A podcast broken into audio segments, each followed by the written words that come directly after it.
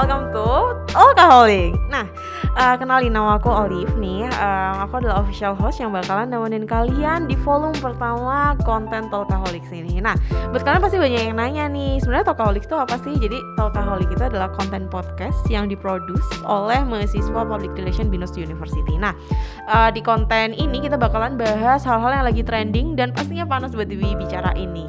For information, uh, volume pertama podcast ini akan ada beberapa episode, so pastiin teman-teman itu untuk terus stay tune dan jangan lupa follow um, account kita supaya keep update dengan episode-episode berikutnya. Nah by the way nanti aku nggak bakalan sendirian nih, um, nanti bakalan ada narasumber dari berbagai background yang bakalan sharing-sharing dengan uh, aku pastinya. Kita bakalan bahas topik yang menarik.